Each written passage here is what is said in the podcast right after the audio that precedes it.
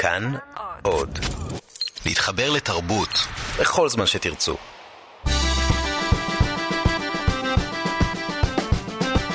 מה שקורה עם שירי לב-ארי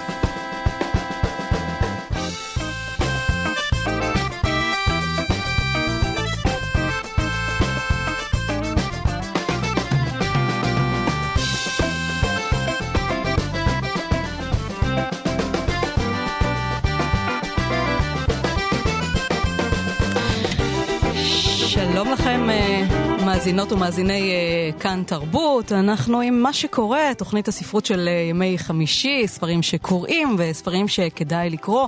איתי בצוות התוכנית עומר מנחם שליט על ההפקה וארז שלום על הביצוע הטכני, ואנחנו יוצאים לדרך.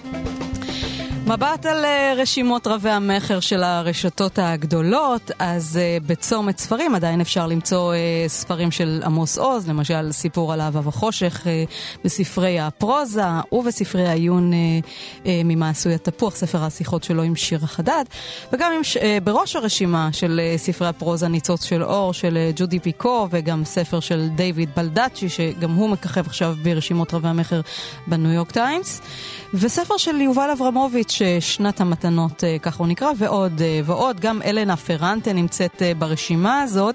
היא אגב נמצאת גם ברשימה של סטימצקי, וסביר להניח שזה בעקבות הסדרה ב-HBO. ברשימה של סטימצקי אפשר למצוא את החברה הגאונה, שזה הראשון בסדרה, ואחר כך האור מהלונדון של ג'וליה קלי, וגם של גרם סימסיון, זה שכתב את פרויקט רוזי, האהבות של אדם שרפ. גם עמוס עוז נמצא פה, סיפור על אהבה וחושך. הספר החדש של אה, מרגרט אטווד, ג'וג'ו מונס שדיברנו עליה בתוכנית. אז ככה אין הרבה חדש ברשימות. יכול להיות שבעקבות הזכייה של אתגר קרת בפרס אה, ספיר השבוע, אפשר יהיה בשבוע הבא לראות את אה, תקלה בקצה הגלקסיה. ספר הסיפורים הזוכה שלו, היפה שלו, שוב ברשימות, את זה אנחנו נחכה ונראה. ואיתי באולפן נמצאת הסופרת אליס ביאלסקי. שלום אליס. שלום. את עם אה, ספר חדש. ב... כן, שנקרא כן. אנשים מיותרים, רואה אור בהוצאת אפיק. את כותבת את ספרייך ברוסית, מתורגמים לעברית, אה, כן. הראשון והשני הנוכחי אה, בידי כן. המשוררת יעל תומשוב, תרגום נהדר. כן. Uh, הראשון, אולי את מוכרת ככה בזכותו, ראה אור לפני כמה שנים, ראינו לילה, זה סיפור ההתבגרות שלך במוסקבה של שנות ה-80.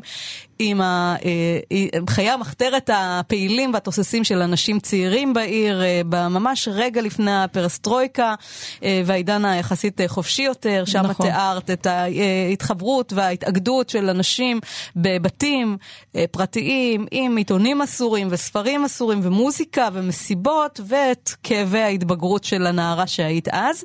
ועכשיו בעצם רואה אור הספר השני בטרילוגיה, למרות שבמעלית בדרך לכאן כבר אמרת לי שזה נהיה רביעייה, כן, כן? אולי כן. את הולכת בעקבות אלנה פרנטה עם הרומנים שלה, ארבעה. כן, אז, זו דוגמה טובה. אז יכול להיות, אה, כן, שיהיו פה ארבעה. אה, ואת הולכת עכשיו בשני בטר, בטרילוגיה, או בקוורטט הזה, את הולכת אחורה בזמן, אל הסיפור של ההורים שלך. במוסקבה של שנות ה-60 וה-70. בתחילת 80. בתחילת 80, ואת מעניקה להם את אותם שמות שהענקת להם בספר הראשון בראינו לילה, אה, שמות שדומים, כי, הסיפור הזה הוא באמת מבוסס עליהם. אה, שם אנחנו פוגשים את אה, סבא בלנק, משפחת בלנק, שהיא ככה מהדהדת את המשפחה שלך, את משפחת ביאלסקי. סבא מחליט לעזוב את עבודתו כמדען במוסקבה ולעשות כסף בדרכים אולי קצת מפוקפקות, כפי שמתברר בהמשך, באוזבקיסטן. אה, נוסע לשם והוא מחליט למכור שם תמונות אומנות ברוח סובייטים, ברוח סובייטית עם המסרים הסובייטים, אז אנחנו מדברים על עידן שבאמת הוא שיא השלטון הקומוניסטי, נכון. אה, והוא רוצה למכור אותם למוסדות השונים, הוא מרוויח עליהם הרבה כסף משום שאת הציורים עצמם מייצרים בגיאורגיה, את קוראת להם הגרוזינים, היום אנחנו אומרים גיאורגים, אה, הם עושים את זה בפרוטות, הוא גוזר את הקופון, וזה כמובן מסתבך בהמשך. פחות או יותר כן. אה, כן, זה הסיפור. אה, אה, כן, זה אותם גיבורים. בעצם כתבתי, כשכתבתי עלינו לילה, אז לא חשבתי על שום המשך או, או פריקוול אפילו. זה פשוט יצא לי הספר, הספר ההוא. וההיסטוריה, איך שכתבתי את זה, בעצם רציתי לכתוב כשפתאום הרגשתי דחף לכתוב. לא כתבתי לפני כן, חוץ מתסריטים שום דבר. אז uh, התחלתי לכתוב uh, סיפור שמתרחש פה בארץ. והבנתי שאי אפשר להסביר המון המון דברים על האנשים האלו, על, על אנשים, על רוסים בעצם, שאי אפשר להבין אותם עכשיו במצב, uh, במצב הנוכחי שלהם, למה הם כאלו, למה הם שונים ובמה הם שונים. Uh, אם לא להסביר ואם לא להראות איך שהם היו לפני, uh, לפני ההגירה בעצם, לפני העברה מחיים בברית המועצות לחיים בחברה הישראלית. אז לקחתי את התקופה ממש לפני אה, העלייה, לפני המעבר הזה של מיליון אנשים משם לפה, כמעט בגל אחד. בתחילת שנות התשעים? כן. אז אה, כן, זה מבוסס פחות או יותר על סצנת רוק-אנד-רול, פאנק במוסקבה, לפני uh, כבר קריסת ברית המועצות, אבל שעוד לא ראו את זה, אפילו עוד לא חשבנו על שזה יקרה. וכשסיימתי uh, ושזה יצא הספר כבר, uh, ואני התחלתי לכתוב ספר הבא, אז עוד פעם התחלתי לכתוב ספר ש... בעצם ספר שכן רציתי לכתוב קודם. זאת אומרת, הספר שמתרחש כבר פה. ועוד פעם אותה מחשבה, כאילו, כתבתי לקח כבר... לקח אותך אחורה. כן, הבנתי שזה עוד פעם, לא, לא כל כך מבינים. אי אפשר להבין uh, ההיסטוריה של משפחה uh, בלי להבין איך שהם היו קודם. את בעצם נותנת להם חיים חדשים דרך הספרים האלה. מה זה חיים חדשים? חיים מחודשים, כאילו להכיר מחדש במי שהם, בזהות שלהם, במי שהם היו, לפני שאתם, לא הם, זה את וההורים שלך, לפני שהגיעו לפה. זה איזה מין תיקון, פעולה של תיקון. אפשר, כן, זה... ההפך ממחיקה של ההיסטוריה. כן, בשבילי זה עוד... בשבילי זה גם חשוב מאוד, בגלל שההיסטוריה של המשפחה שלי, די מסובכת.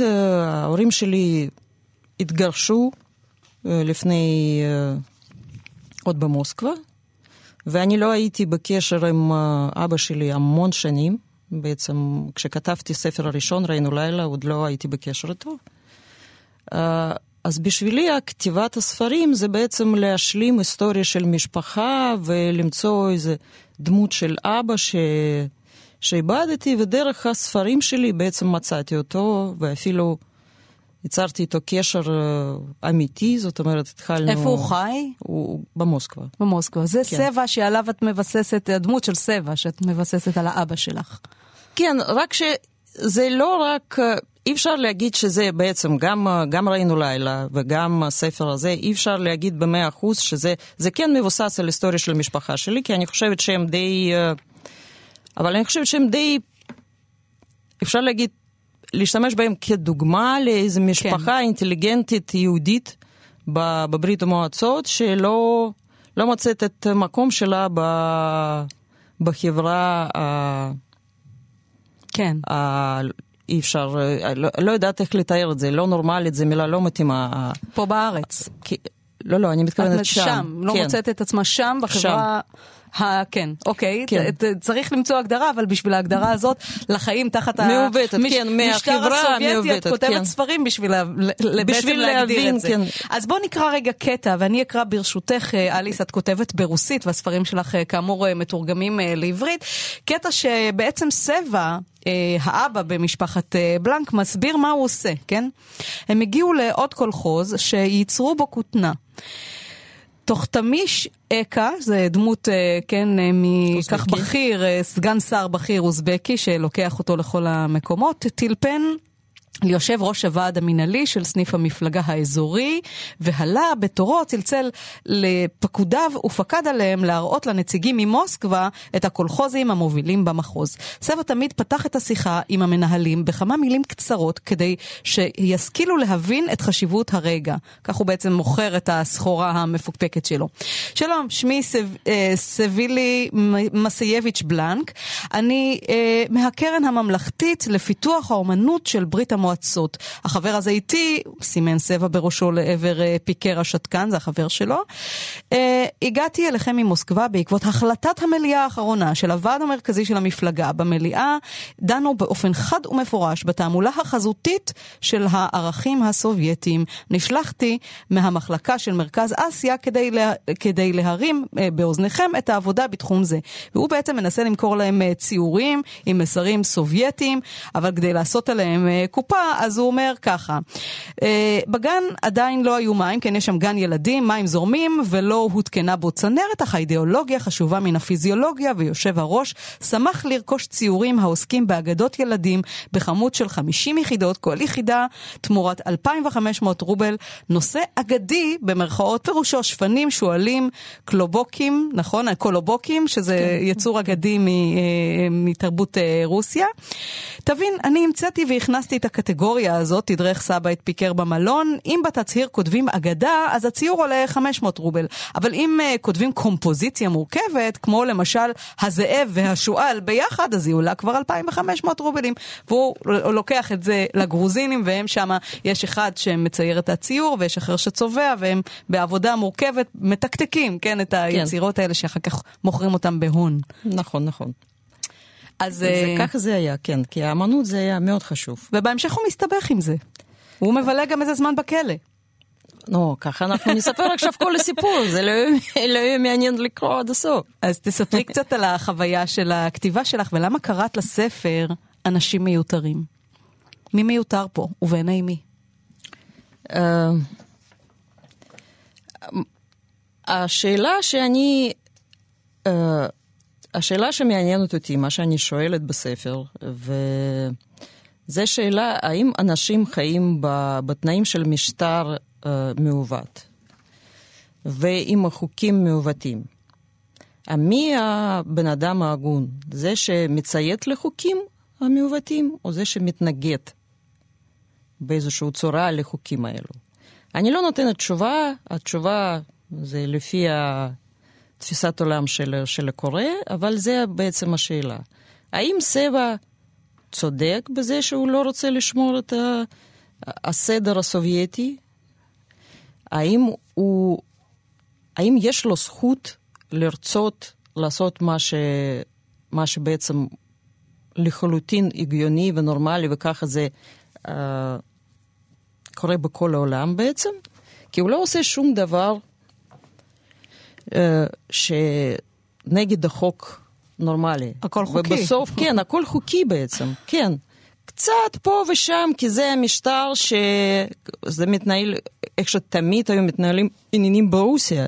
החוקים קיימים בשביל לעבור אותם. כן. אז פשוט היו אנשים שהיה... היה להם זכות לעשות את זה, והיו אלו שהיה אסור להם. כי עכשיו, לכל אחד מקום כן. שלו בחברה. אז אולי יש כאלו שלא רוצים לקבל את המקום שלהם, ורוצים משהו אחר. אז uh, מהו המעשה המוסרי? האם לזרום עם הזרם או, או לחתור נגדו? נכון. Uh, ובהמשך את מתארת את ג'ניה, האימא, ואת הבת שנולדה להם uh, אליסה, שזו אותה אליסה מראינו לילה, ש, שסיפור כן. ההתבגרות שלה, הנה כאן היא מופיעה בתור uh, ילדה קטנה, ואת גם לפרקים נותנת קול, זאת אומרת עוברת לכתיבה בגוף ראשון, מפיה של ז'ניה, או מפיו של סבא. נכון. את רוצה לכתוב את מה שחוו ההורים. כן, להבין, אה, כן, לתת, לתת, אה, לתת להם קול ו... אה, את חושבת שהקול הזה נלקח מהם במעבר לכאן, לישראל? כן. כן. אולי שכן. אולי בגלל זה, כשהתחלתי לכתוב אז כתבתי את זה בגוף שלישי, אבל איכשהו בזמן הכתיבה, בתהליך העבודה, אז אה, הם פשוט התחילו לדבר בראש שלי, אה, כי אני כמעט שלא מדברת עם אבא שלי, ואימא שלי לא, לא כל כך אוהבת אה, לדבר על מה שהיה שם. אז בעצם כן, הם התחילו לדבר בראש שלי, והבנתי שהנה, שאני חוזרת לגוף ראשון, רק שעשיתי עבודה, כן, דיברתי כז'ניה ודיברתי כסבע, שזה עוד בשבילי כסופרת זה אתגר מאוד מעניין. כי אותו את פחות קשה. מכירה את ה... כן, לא, אבל פשוט כאישה לכתוב כגבר זה, זה כן אתגר. כן. ואני מאמינה ש... שיצא לי גבר אמיתי, באמת, חי, ולא איזה מין פרויקציה. ואת מדברת בעצם על אה, לקיחת הכל והענקתו עכשיו מחדש דרך הספרות, דרך הכתיבה, לא רק להם, אלא למיליון וחצי עולים מרוסיה שהרגישו שהדלת נטרקת בפניהם. זאת אומרת, אמרו להם המולדת מחכה, היו להם שם חיים כאלה ואחרים, אבל חיים שלמים, מורכבים, אה, טעונים בהרבה דברים, גם בעושר אה, רוחני, אם לא דווקא כלכלי. אבל כאן הדלת נטרקה בפניהם. ואת לא כותבת על זה עדיין בספרים. זה החלק, שאלתי אותך מה יהיה החלק הרביעי כן. והאחרון בסדרה הזו. כן, אולי שכן, אני, אני רוצה להגיע לשם, כן, עם כל היסטוריה ועם כל, כל הרקע, אבל כן, אה, האמת שאפילו לא חשבתי על זה, זה, זה בדיעבד, אני מבינה שזה, שזה ממה שזה הכל נובעת. הרצון לתת קול אה, לאנשים, כי נדמה לי שעדיין, לא משנה כמה שנים, אז עדיין יש איזה מין, אה, לא שחוסר הבנה, ואי אפשר, אפשר להגיד שזה חוסר עניין וחוסר התעניינות, אבל איכשהו לא כל כך, כן, לא כל כך תופסים ולא כל כך מבינים, והאמת שהאנשים האלו, מיליון שהגיע, הם לא כל כך מדברים על עצמם. הסיפור חוזר על עצמו, יש עכשיו דור חדש, כן. אנשים שנולדו פה הם כבר מספרים סיפורים, אבל פחות או יותר הם התחילו כבר לספר סיפורים שלהם שלהם פה. ש... כמו למשל שלהם, ריטה כן. קוגן אה, המשוררת כן. ודור 1.5. אה, כן, מספרים מה, ש... מה שהיה פה, ואולי עם הזמן, זה הגיע הזמן שהם התחילו לספר סיפורים של, אה, של דור ההורים. אז אולי שאני, כן, ב... אז את מתחילה דווקא מדור ההורים וכל כן. מה שהיה שם, כן? במוסקבה, במקרה שלך. כן, כי זה מאוד חשוב. נדמה לי, uh, מה שאני צריכה להגיד, שנגיד, מה שאני אומרת, שהנושא שלי, גם בספר הראשון וגם בספר הזה, זה בעצם החיפושי אחרי חופש. העניין הוא, זה מאוד כללי. מה זה חופש? איך זה בא לידי ביטוי? נגיד, אני יודעת שלאנשים רוסים שבאו מ- מרוסיה, מברית המועצות, עם המסורת של הספרות הגדולה של רוסיה, הם מגדירים חופש מאוד, אה, אה, איך להגיד את זה, כזה צר, שמים את זה באיזה מין קופסה. שחופש זה משהו מאוד רוחני, זה רעיונות. כן, זה מושג אה, מופשט. כן. ואני שואלת, האם, זה, האם חופש זה משהו שזה בא לידי ביטוי בכל דבר קטן? זה, אם אני לא יכולה לעשות איזה מעשה לא יודעת, גיבורי על משהו, אה, האם רק, מה שאני רוצה להגיד, רק הדיסידנטים שהיו באמת, אה, ישבו בכלא אה, נגד המשטר הסובייטי, רק הם גיבורים? רק הם היו אלו ש... שחיפשו חופש? או שאנשים שפה ושם לא רצו... אה, לא לעמוד בשורה, כן, כן. ו- ולהגיד כן על כל... אה, כמו סבע או כמו אליסה, את, בבגרותך, כן? שומרים כן, על איזשהו חופש אנשים מחשבה. אנשים כן, שבעצם שזה כן... כן. לא חושבים על חופש לכולם, כי נדמה לי שלפני ש... שחושבים על חופש לכולם, קודם שיהיה חופש לפרט, לבן אדם, בחיים הפרטיים שלו. כן. ואם אנשים לא עושים פשעים נגד... אה, אנשות, לא יודעת, באמת פשעים. אז לכל אחד יש זכות לעשות מה שהוא עושה. ונגיד סבע שכן, כמו שאמרת, ישב uh, בכלא.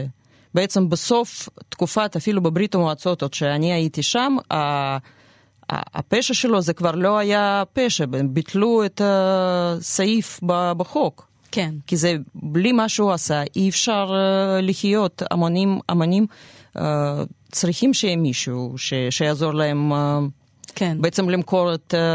את היצירות שלהם. נכון. ואליס, חייבים לציין שהספר, וגם זה הקודם, כתובים עם הרבה מאוד הומור. אני מקווה, תודה. ברוח המסורת uh, של הספרות הרוסית. אז הנה, יש כאן סצנה שאת מתארת, שסבא וז'ניה, האם והאב של המשפחה, עוברים לגור ביחד אצל אצל האימא שלו, אחרי שהמשפחה שלה לא בדיוק uh, קיבלה אותו, אז הנה הם עוברים לגור אצל אימא של סבא. כשהם נשארו לישון לראשונה ברחוב פוש, פושקינסקיה, סבא חזר מאוניברסיטה ונכנס למקלחת. ז'ניה ישבה בחדר וקראה ספר. סופה, האימא שלו, כן, ניגשה לדלת, ב, uh, לדלת הסגורה של חדר האמבטיה. ספקה, הנחתי שם סבון חדש, תשתמש בו, אל תתבלבל עם סבון הכביסה. אמא, אני לא אידיוט. אתה תמיד אומר את זה, אבל מתקלח לפעמים עם סבון כביסה. בחיים לא, הוא עונה לה. אז למה הוא תמיד רטוב אחרי המקלחת שלך? אמא, תעשי לי טובה, תתרחקי מהדלת, בבקשה. וכאן uh, זה עוד uh, מתפתח, הוא מבקש מז'ניה לבוא ולסבן לו את הגב, ובהמשך גם יש משבר נישואים uh, חריף, שאותו את מתארת די באומץ, אני חייבת לומר. אה, אליס אה, ביאלסקי, את הולכת, אה, עכשיו את כותבת את הספר השלישי בסדרה מתוך הארבעה, ובמה יעסוק בעצם הרביעי? האם הוא כבר יתרחש כאן, בישראל? כן, אני מקווה שכבר אנחנו, כל המשפחת בלנק, שאנחנו נגיע ל- לישראל ו- ונראה מה, מה קורה לאנשים פה ומה זה, מה זה בעצם, מה זה בעצם ההגירה ומה זה... בעצם מה שאני כותבת זה סאגה משפחתית, אז כן. נראה מה ההיסטוריה של האנשים האלו שאני... שאני מאוד אוהבת אותם, אז אני מקווה שגם... משפחת בלנק, אני כן, מקווה ש... שגם כן. הקהל, ובעצם אליס את uh, כותבת על הרבה מאוד אנשים שהגיעו מברית המועצות לשעבר, uh, נותנת להם קול וככה מחיה מחדש את ההיסטוריה, לפחות הפרטית של המשפחה שלך. אליס uh, ביאלסקי, אנשים מיותרים. עידו נעמד על מרצפת אפורה ולא זז. היער, המשלחת, העולם, כולם נעלמו. מחשבות התרוצצו בו. הוא ניסה לתור אחרי, אחרי הקשר הגיוני בכאוס אנרגטי חסר צורה.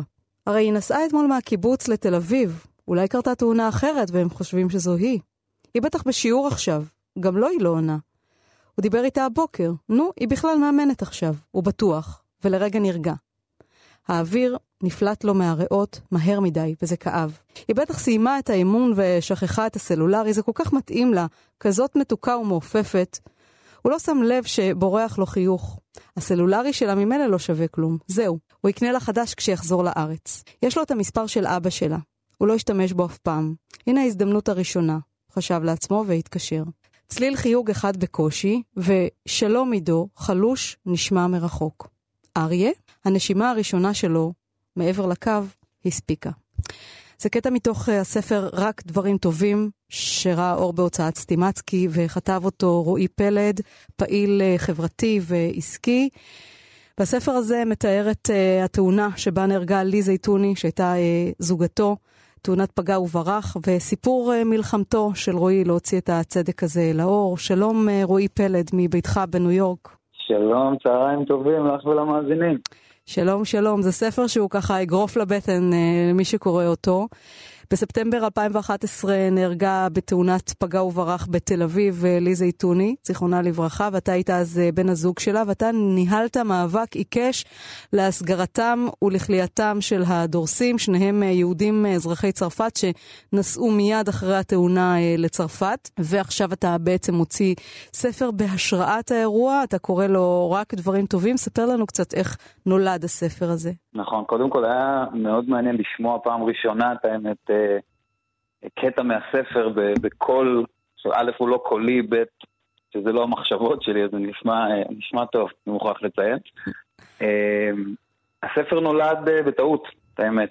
התחיל כאיזושהי תרפיה שלי מעצתו של חבר, איזשהו די... מקום בו הייתי צריך לפרוק אולי, או לאבד את הטראומה? לאבד את הנתונים. עוד לפני שהבנתי שזה טראומה בכלל.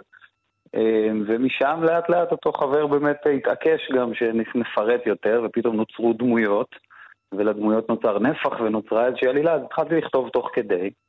ואחרי שהכל נגמר, לקחתי קצת זמן אה, לעבד את זה, והחלטתי באמת שזה אה, סיפור שאני באמת חושב שזה סיפור שראוי לספר.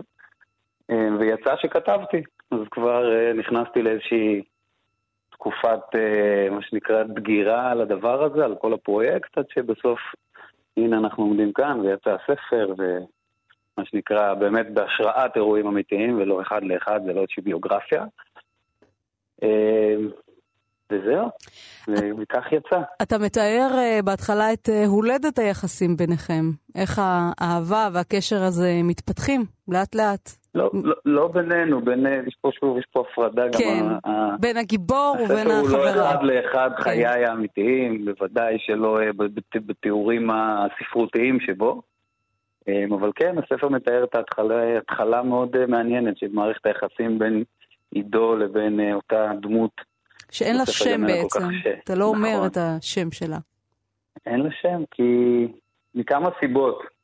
אני חושב שאחת ספרותית יותר נכון, הרגיש לי יותר נכון לייצר את הניתוק המוחלט בין החיים האמיתיים לבין הספר, לבין הסיפור שמתואר בספר.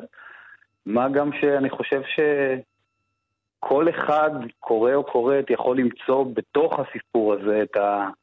את החיבור שלו, את הטריגר שלו. מתארים שם איזשהו סיפור אהבה שמתחיל, ומהר מאוד מגיע אותו אגרוף בבטן שעליו את מדברת. והמאבק שהגיבור אה, מנהל, דומה למאבק שלך שאתה ניהלת במשך אה, נכון. שלוש שנים מרגע התאונה ועד ששני הנהגים, אה, אריק רוביק וקלוד חייט, החלו לרצות את מאסרם.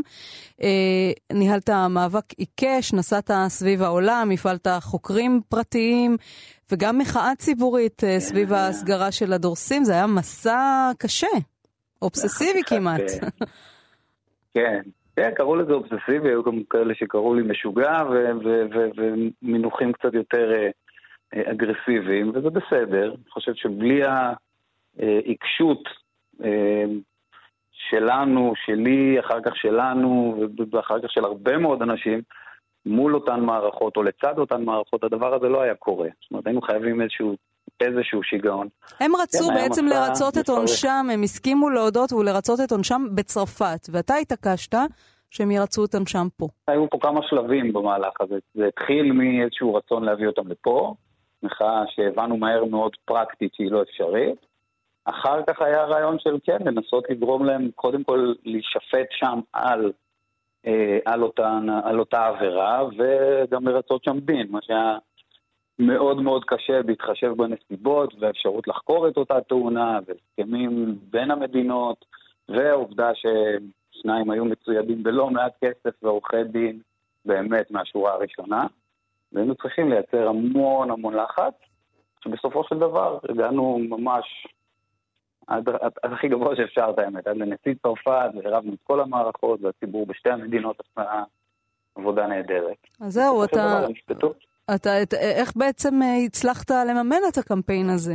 זה היה רוב רובו אה, לא על הכסף, זאת אומרת, הרוב היה... ההשקעה שהשקענו הייתה בשעות על שעות של פעילות של הרבה מאוד אנשים. מה שעלה כסף בהתחלה מימנו מה שנקרא מכיסנו, ובסופו של דבר זה לא עבד. אז נפתחה עמותה, ואנשים תרמו כספים לפעילויות כאלו ואחרות.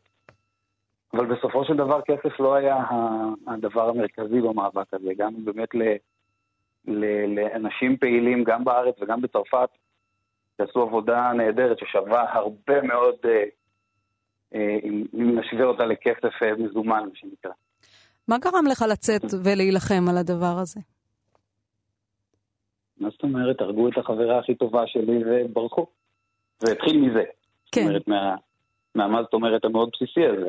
כן. אחר כך כל פעם עלו עוד ועוד מכשולים, אז אה, בסופו של דבר אתה שואל את עצמך את הלמה הזה, והלמה זה משתנה. זה התחיל ממשהו מאוד אישי, אחר כך אתה כבר, זה נהיה משהו מאוד מאוד ציבורי, ובסופו של דבר אתה כבר מבין שבאמת אתה יכול. וברגע שהבנו שיש את היכולת, הבנתי או הבנו שיש את היכולת, כבר לא הייתה שום סיבה להפסיק. וזה היה פשוט אה, הדבר הנכון לעשות. מה עברת עם תהליך הכתיבה של הספר הזה? איזה הבנות חדשות, נגיד, למדת תוך כדי כתיבה על מה שעברת? כן, זה היה תהליך, אה, באמת שחשבתי שהוא יהיה מאוד מאוד קצר. זאת אומרת, מרגע שבאמת התחלתי לכתוב תוך כדי, ומרגע שהכל הסתיים, בעצם הסתיים המאבק והתפניתי רגע ל... לסיים את הספר, חשבתי שזה ייקח שלושה ארבעה חודשים, בסוף זה לקח כמעט שלוש שנים.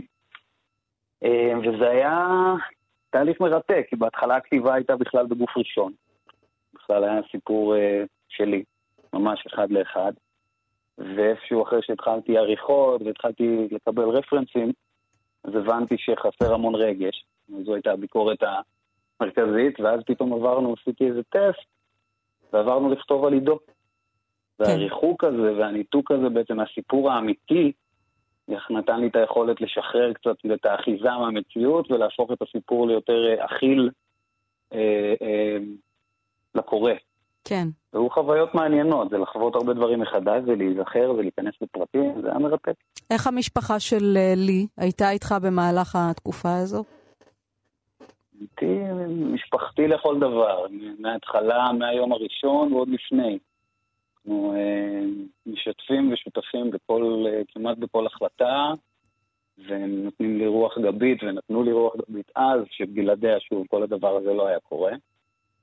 אה, הם בתמונה לגמרי, קראו את הספר. ואתה מאז uh, עברת לחיות בארצות הברית וגם uh, התחתנת, זה מעניק לך איזשהו ריחוק, ריחוק מהאירוע? אני נורא מאמין בלסיים דברים ולהמשיך הלאה. זאת אומרת, האירוע מבחינתי, האירוע, אותו במרכאות או שלא במרכאות, הסתיים בבית המשפט אה, בסוף, המה, בסוף כל המהלך. זאת אומרת, הכתיבה הייתה שלי בשביל... כן איזשהו לעשות סגירת מעגל, אני חושב שגם הספר הוא איפשהו רצון שלי לומר תודה או לספר את הסיפור מנקודת מבטי, ובאמת לסגור המון המון סימני שאלה אצל הרבה מאוד אנשים שלקחו חלק, כל אחד בדרכו, אה, מעל השולחן ומתחת לשולחן. אה, וזה איזושהי סגירת מעגל שלי. וכן, המשכתי הלאה ברגע שהספר הזה יצא לחנויות, ואנשים שקיבלו אותו וביקשו אותו ו- ולקחו בו חלק, קיבלו אותו באופן אישי גם ממני לפני, לפני שטסתי. אמ, והיום אני פותח דף חדש, במקום חדש. אמ, המון אוריינטציה לארץ, אני על הקו הרבה. מה אתה עושה שם, ובאמת, האם יש קשר בין המקרה הטרגי הזה לבין המעבר שלך לחיות בארצות הברית? לא, אני לא חושב שיש קשר, כי התוכניות האלה הגיעו אה, בלי קשר. זאת אומרת, אני כאן בשביל כמה הזדמנויות אה, שאני רוצה לקחת לעצמי. אה, עשיתי קצת אה, עבודות כאלו ואחרות בארץ, אני מעדיף להשאיר את ענייניי העסקיים מחוץ. לפלטפורמה המכובדת הזו, אבל אני אהיה כאן בשנה, שנתיים הקרובות לפחות, ואחר כך נחזור לארץ, ביתי ומשפחתי. רק דברים טובים, אה, ספר שכתב אה, רועי פלד על אה, מקרה מותה בתאונת דרכים של לי זייתוני, זיכרונה לברכה, חברתו, ועל המאבק המשפטי להעמיד את הפוגעים בה לדין. תודה רבה, רועי. תודה רבה. מה שקורה עם שירי לב-ארי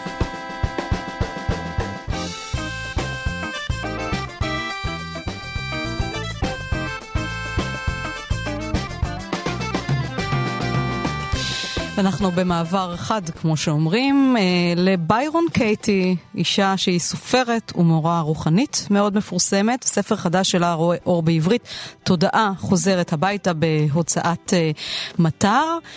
אה, ארבע השאלות שישחררו את התודעה שלכם, יפתחו לכם את הלב וישנו את חייכם. זה מבוסס על אה, שיטת העבודה של אה, ביירון קייטי, ילידת 1942, והיא את השיטה שלה פורסת כאן בעקבות סוטרת היהלום של הבודה. אנחנו נאמר עכשיו שלום לדוקטור שחר לב-ארי. ראש החוג לקידום בריאות בבית הספר לבריאות הציבור באוניברסיטת תל אביב. שלום, שחר. היי, שלום, שלום. אתה נדמה מג... לי שהשם משפחה שלנו אותו משם משפחה. אנחנו חולקים שם משפחה, אבל כמו שאומרים, אין קשר משפחתי. אבל אולי קשר רוחני כן. אתה מגדיר את ביירון קייטי הסוקרטס של ימינו. כן, אה, אחד הדברים המרתקים, אה, אני חושב, במשנתה של ביירון קייטי, או בעצם מה שהיא פיתחה, זה שהליבה של השיטה שלה מבוססת על השאלה אם זאת האמת. עכשיו, השאלה הזאת היא לא שאלה תיאורטית, אלא שאלה, אה, בעצם ביירון קייטי, המדיטציה או שיטה שלה מבוססת על מדיטציה, להתבוננות, מאוד בדומה למיינדפולנס, רק שמושא ההתבוננות הוא לא הנשימה או להסתכל על נר או על תחושות הגוף כמו שאנחנו מכירים מהרבה תרגולים שרופחים, אלא המיקוד הוא בעיקר במחשבות. המיקוד המחשבות מתוך האמונה שהמחשבה יוצרת, היא בעצם מובילה לרגש, מובילה להתנהגות. למשל, אם אני מסתכל, אם הבוס, הבוס שלי מסתכל במבט מסוים, ואני חושב, מחשבה אחת יכולה להיות, הוא כועס עליי. ואז אני אפתח איזשהו פחד ואולי איזושהי התגוננות, איזושהי התנהגות מתגוננת. אבל מחשבה אחרת יכולה להיות, הוא מוטרד, אולי אני אשאל אותו מה קורה. והדברים האלה שנעשים בצורה כל כך אוטומטית, אה, יכולים להוביל את החיים שלנו או לסטרס, או בעצם אה, למחשבות שהן בעצם מפרשות בצורה הרבה יותר מיטיבה עם המציאות. ובזה עוסקת אה, ביירון קייטי. אז uh, תכף נשאל את ארבע השאלות שהיא שואלת uh, גם בספר הזה, ואני רוצה לקרוא פסקה קטנה מתוך הספר, כי ביירון קייטי מספרת שהיא בעצמה, כשהייתה uh, בשנות ה-30 לחייה, חוותה ממש עשור של דיכאונות עמוקים והתמכרויות לאלכוהול ולאכילה, וב-1986, uh, כשהיא מאושפזת במוסד לנשים עם הפרעות אכילה, היא חוותה לדבריה התעוררות רוחנית ובעקבותיה הגיעה לתובנות האלה. אז כך היא כותבת בספר, כשהתעוררה כשחזרתי אל המציאות בשנת 1986, הבנתי שכל הסבל שלי הגיע מתוך הוויכוח עם מה שיש. הייתי שרויה בדיכאון עמוק במשך שנים ארוכות, והאשמתי את העולם בכל הבעיות שלי. כעת ראיתי שהדיכאון שלי לא היה קשור כלל לעולם שסביבי, הוא נגרם בגלל מה שהאמנתי שהוא העולם. הבנתי שכשהאמנתי למחשבות שלי, סבלתי, אבל כשלא האמנתי להן, לא סבלתי, ושזה נכון עבור כל אדם. החופש הוא עד כדי כך פשוט. זאת אומרת, היא אומרת להטיל להטיל ספק במחשבות שלנו, השאלה שמנחה אותה היא האם זאת האמת? ואתה, שחר, הזכרת קודם אה, ארבע שאלות בחקירה, בשיטת העבודה של ביירון קייטי, בוא תסביר לנו מה הן. כן, אז השאלות בעצם, השאלה הראשונה זה האם זאת האמת?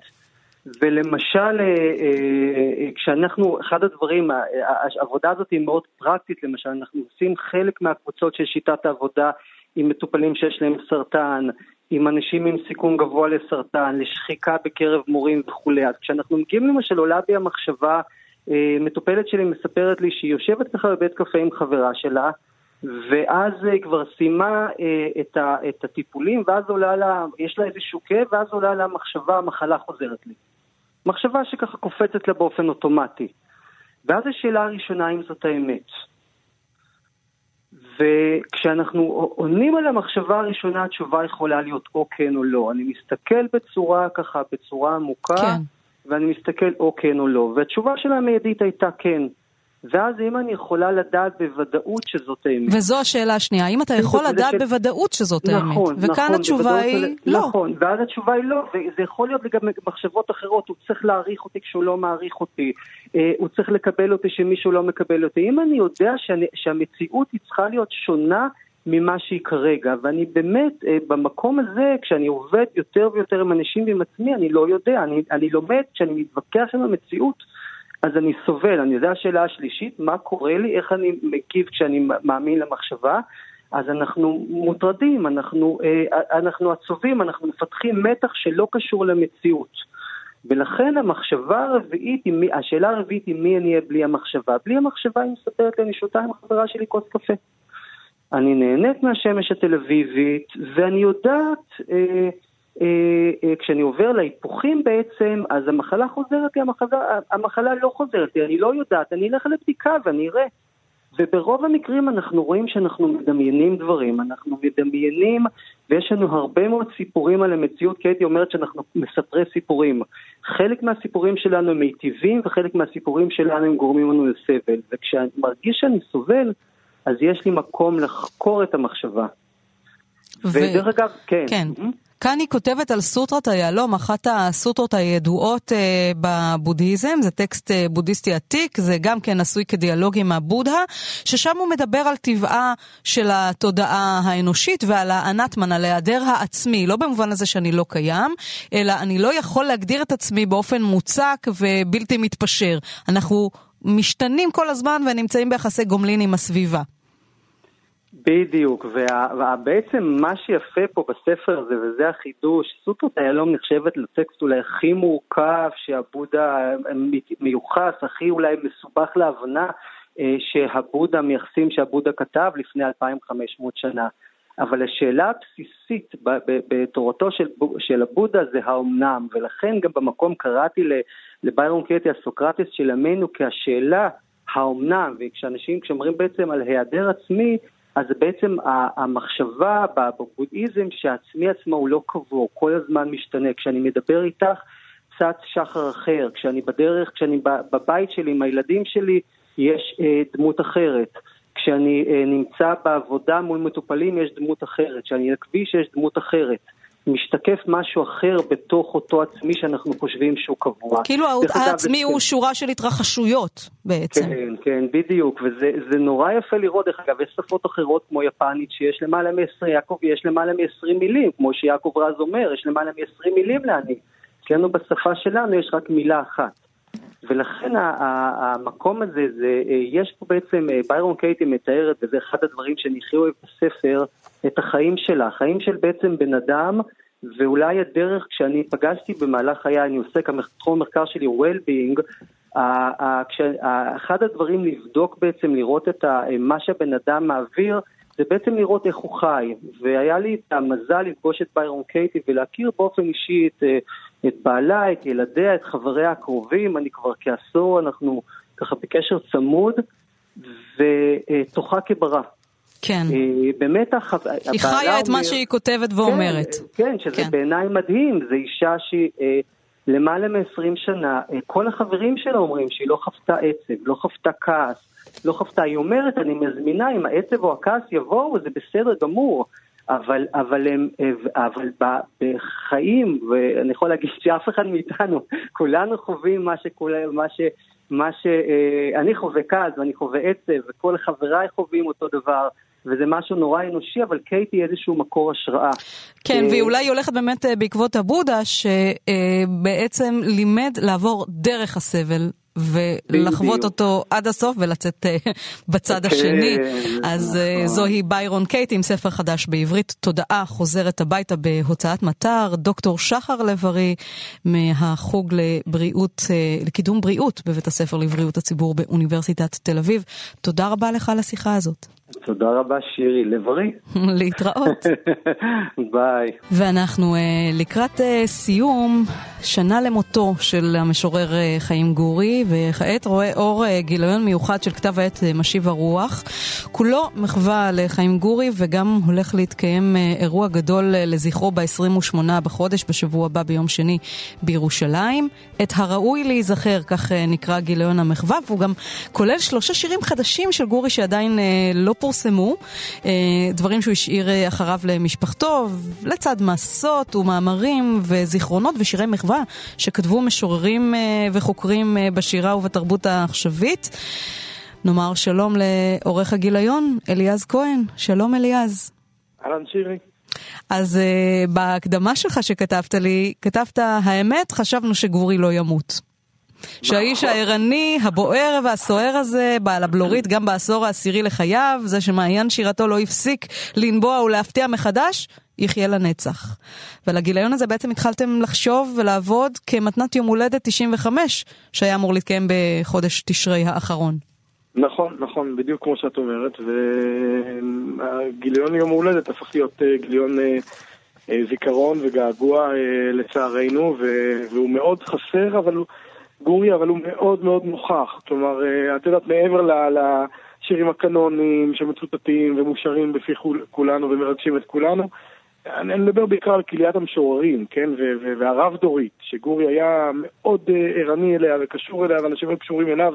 ובגיליון הזה, שאת אה, ככה הזכרת כבר כמה דברים מתוכו, בעצם עשינו חישוב שיש פה ייצוג של ארבעה דורות ב, ב, בשירה העברית. זה באמת, אני חושב שאין לזה אח ורע. קודם כל הוא זכה להאריך ימים באמת, והוא קונן על זה הרבה פעמים שהוא, שהוא נשאר לבד והתגעגע מאוד אל כל רעיו ככה מכל העשורים הקודמים.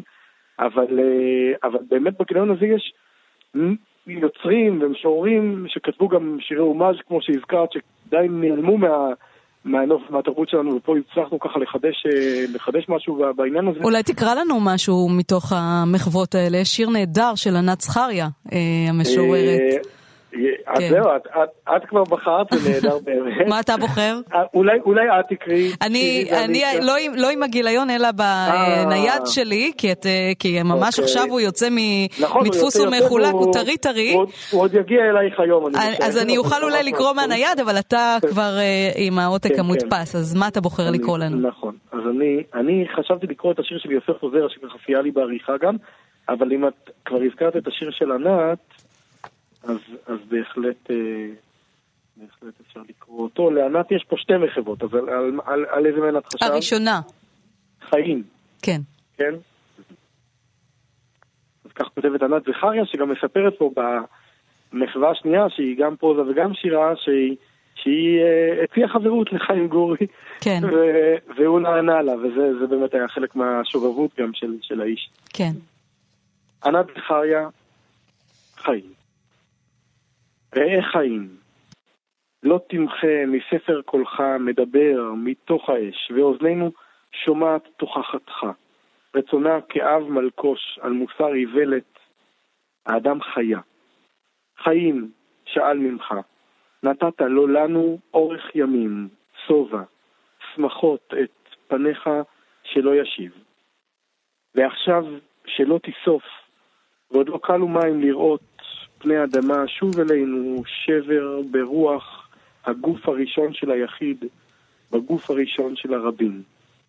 כי אם מי נסוח על נגזר מארץ, בה כולם חללים נופלים בחרב, על השעיר אשר עלה עליו הגורל, על מי שעמד בפנינו חי, ושילחנו לעזאזל, המדבר. יחדיו ככפרים עזובים, נשאג כגורי אריות, טורקי טורקי, פרה פרה, לכפר.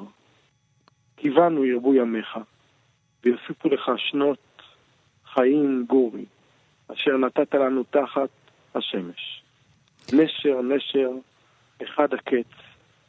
האם לנוע? האם לעלות? אז כך אה, ענת זכריה. כן, זו ענת אה, זכריה, ואליעז, לגורי היה קשר עם השירה הצעירה שנכתבת היום בארץ, היו, היו עולים עליו הביתה, משוררים, לגמרי, בתחילת לגמרי, הדרך מראים לו פתוח. שירים, מין חברותות כאלה של פתוח. משוררים. אנחנו היינו מראים לו שירים, הוא היה מראה לנו שירים שזה גם, את יודעת, לחשוב על חיים גורי שהיה מתייעץ על, על טיוטות, על שירים חדשים שלו, על, אני זוכר שב-2003 הוא חשף בפניי אה, את הטיוטות הראשונות של עיבל, שהופיע רק אחרי זה ב-2009, והיה ברור שזה הולך להיות משהו, פסקה חדשה שהוא כובש. אה, ו- ו- ובאמת העניין הזה, יודע, בלי, בלי, בלי הפאסון ובלי ה- המשורר הלאומי, כן? כן, היה- משורר לאומי זה. תמיד היה עונה שלומי כשלום עמי, ובאמת אחרון המשוררים הלאומיים, אבל תמיד התעצבן כשתקעו אותו כמשורר הפלמ"ח. בכל זאת, אליעז, כן. אה, לא מעט שירי אהבה ושירים אישיים הוא כתב. אתה, כנ- אתה אה, עזרת לכנס את זה ביחד עם עוזי אגסי בהוצאה משותפת נכון, שלהם, נכון, של הקיבוץ המאוחד, שירי אהבה. שלו. כן, כן, נבחר שירי אהבה, כשבאמת, כשניגשנו אליו ואמרנו לו, אז הוא באמת באיזושהי ענווה ככה, אנשים לא כל כך יודעים שהוא באמת לא, לא היה שוויצר גדול, אז הוא אמר לנו, את מי זה יעניין? אמרנו לו, מה זאת אומרת, מי זה יעניין? חיים גורי. קודם כל, אולי אותך זה יעניין, שאנשים יגלו אותך גם כמשורר אהבה. כן, ולא- לא רק פלמ"ח, אלא. גם אה, אהבה. ואליעז, אולי תקרא לנו אחד משלושת השירים החדשים שלא התפרסמו אה, עד נכון, היום של אז גורי. אני, אז אני אקרא את אחד משלושתם, ובגיליון שלנו שאנחנו מדברים עליו, עת הראוי להיזכר, אה, שכבר אפשר להזמין אותו גם באתר של משיב הרוח, והוא כבר בימים הקרובים כבר מופץ בחנויות ואפשר לחפש אותו. כן. אה, 120 עמודים של מחוות אהבה לגורי, כל הגיליון הזה, ובתוכו כל כך יקרים בעינינו, ותודה גדולה על זה לעליזה אליקה ולבנות שמסרו בידינו את הפיקדון, את האוצר הזה, ויש גם כתבי יד, אוטוגרפים בגיליון. אה, אז אני אקרא את אחד משלושת החדשים הללו שיאספו בעזרת השם לספר שיופיע בשנה הקרובה, ספר חדש, ספר נוסף של חיים גורי, שזה באמת, אה, כן. באמת אה, שירים שהשאיר אחריו. כן. ממש. וגם אני סובבתי שם בחוצות ההם, או מה שנשאר מהם. וחיבקתי את אלה שכה רציתי לראותן, ולא מצאתי שום סימן להם. כי אלה בידי הבאים מרחוק, ואלה עבדו מידי שכניהם. הניסיונות לספר על כך אינם עולים יפה. אני ממשיך לנוע אל איזו כתובת שעבדה בערפל.